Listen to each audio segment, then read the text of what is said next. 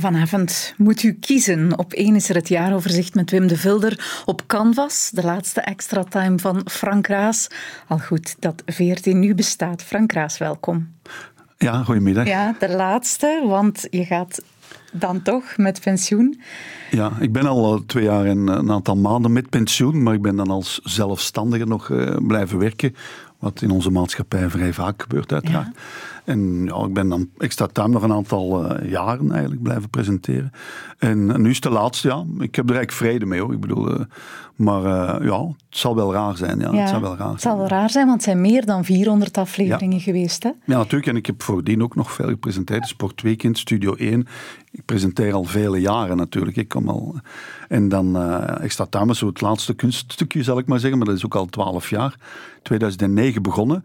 En toen waren wij zo nog helemaal alleen als voetbal-talkshow ondertussen. Jullie waren eigenlijk de oer-talkshow. Ja, in Vlaanderen wel. Hè. Ja. In Nederland en Engeland bestond ook wel al zoiets. Maar bij ons was dat vrij nieuw. Ook zo die echte stevige, spontane discussies. Want bij ons staat er, is niks afgesproken. Is wel voorbereid uiteraard, maar niks afgesproken. Uh -huh. Daar ben ik nog altijd uh, vrij fier op. Maar ja, dat doe je dan nu al jaren. En ja, ondertussen reizen er uh, podcasts uit de grond. Elke dag opnieuw of andere talkshows. De wereld is qua tv-kijken volledig veranderd. Zelfs in twaalf jaar. Ja, wat is er voor jou de grootste verandering in al die Ja, jaren? dat het nieuws er direct moet zijn. Hè. Dat, dat is met de sociale media uiteraard zo. Ik herinner mij, lang geleden toen de Gouden Schoen nog niet live op tv werd uitgezonden. Bij ons was dat toen ook uh, de eerste keer. Mm. Maar voordien, ja, die maandag kreeg de winnaar die Gouden Schoen en dan maakten ze een reportage op tv en die werd donderdag uitgezonden. nu is dat ondenkbaar. Hè? Ja. Ik, ja, ik ben ook nog begonnen in uh, de jaren stilletjes, in de middeleeuwen, toen wij nog geen computers hadden. Ja, geen in internet. 78, ik ga het toch even zeggen, ik ben hier op de VRT begonnen. ben ik als losse medewerker begonnen onder Jan Wouters op de radio. Ik ben tien jaar bij de radio gebleven en dan in 88, 4 januari, naar de televisie overgestapt. Een heel andere periode nog met Karel Huibrechts, Ivan Sonk, uh, Mark Uiterhoeven. Dat is een totaal andere generatie en die zijn allemaal weg en ik ben gebleven. Dus een beetje, ja, ja, ja. ja. Dus uiteindelijk moet het er toch van komen. Maar ik heb hier veel gedaan, veel soorten uitzendingen, live-uitzendingen uiteraard. Uh, presentaties van het journaal, uh, quizzen gepresenteerd, uh, documentaires gedraaid, alles. Ja, alles. Wij associëren jou misschien nog het meest met voetbal, maar je ja, hebt ja, wel veel andere sporten gedaan. Ja, ja, ja. ik ben zelf voetballer geweest. Ja. Hè. Bij Beerschot wat deze dagen niet echt oh. een, ja, een voordeel is.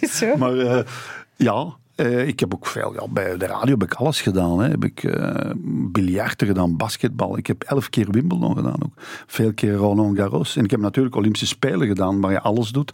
En uh, misschien ja, een van de absolute hoogtepunten is wel Fred de Burggraaf in 1996 in Atlanta. Uh, ja, de eerste Belgische zwemmer die ooit goud won. Ja. En ook, ja, het zal misschien Fantastisch moment voor de eeuwigheid zijn. Hij zwom ook een wereldrecord en dat, dat was fantastisch. Ik, ik, zie dat blauwe blinkende water nog. En hij zwom in de voormiddag een wereldrecord en in, de namiddag zwom hij naar de gouden medaille. Dat, is, dat duurt één minuut, hè? precies één minuut, hè? niet meer. Hè? En dat, dat blijft misschien wel het absolute hoogtepunt en dat is niet voetbal. Er zijn ook veel voetbalhoogtepunten, ja. maar dan moet ik echt gaan selecteren. Dat is al veel moeilijker. Je archief is te groot daar, maar dan, ja, dat is zo'n moment en waarop je... Borg tegen Makkeno heb ik nog gezien op Wimbledon. Dat zijn momenten waarvan je al meteen weet, dit is een stukje geschiedenis waar ik gewoon bij ben. Op dat moment, ja, die gouden medaille van Fred de Bruggraven wel, hè. Want dat was zo'n uitzonderlijk talent. Die kon zeer hard trainen. Die trainde ook ongeveer alleen hè, op zijn eentje met zijn vader. Freddy de Burggraven trouwens. Die zat aan de kant van het zwembad in Roeselaar om zeven uur s morgens. Fred trainde zich kapot en die werd Olympisch kampioen. En ik heb hem nadien ook nog wereldkampioen zien worden in, uh, in Perth, in Australië. En dan, dan, dat was een wereldverdette eigenlijk, in het zwemmen dan. Hè. Dus dat, dat weet je wel, ja, ja. Bij voetbal en bij tennis weet je dat niet altijd meteen, maar... Ja, je weet ook wel dat België-Japan, de match in 2018, die heb ik ook nog gedaan. In Rostov, daar aan de mooie, aan de. En uh, ja, zag die liggen vanuit het stadion. En dan, dan, dan, ja, dat is ook natuurlijk geschiedenis. Ja. Zeker achteraf gezien met die, dat doelpunt in de allerlaatste seconde. En na 0-2 achter te hebben gestaan. Dat blijft natuurlijk ook een absoluut hoogtepunt. 1982, ja, ik ga je blijven opnoemen, heb ik de Belgen tegen Argentinië zien winnen. Hè? Samen met Jan Wouters, 1-0, Erwin van den Berg. Ja. Daar was ik ook live bij. Ja, ja. ja het waren niet alleen blije momenten, het heizeldrama. Ja, Daar was jij ook. 85. Ja, dat was ik ook. Ja, ja dat, dat, dat blijft ook zeer uh, Blijf het moment natuurlijk. Want ik, Jan Wouters deed het commentaar en ik zat erbij. Ik was stand-by. Gewoon ging ik meekijken, wil dat zeggen. En misschien interviews doen achteraf. Hè, Juventus tegen Liverpool. En op een bepaald moment gebeurt dat. Zeer warme dag.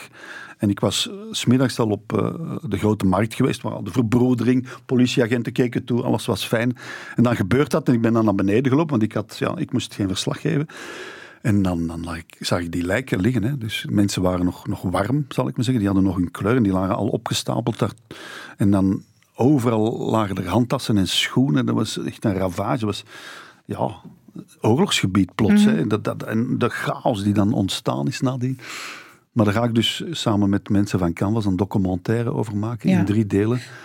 Ja, komend jaar nog. Ja, want vanavond straks die laatste extra time, maar het stopt niet. Wat ga je allemaal doen na, nou, ik blijf na vanavond? nog wel live commentaar doen voor een van de betaalzenders. En eh oh, ja, op Canvas nog een documentaire draaien. En ik, ja, ik heb ook nog wel andere dingen om, eh, om handen. Ik heb nog een vrij jonge zoon. Ik, eh, ik trek graag foto's. En eh, nee, ik zal me wel bezighouden. En, en, en ik heb er echt wel... Ja, vertrek hier als een tevreden mens, heb ik al gezegd. Het is niet met een krant. zwaar gemoed? Nee, ik, nee, nee, maar op den duur, ja, het is wel...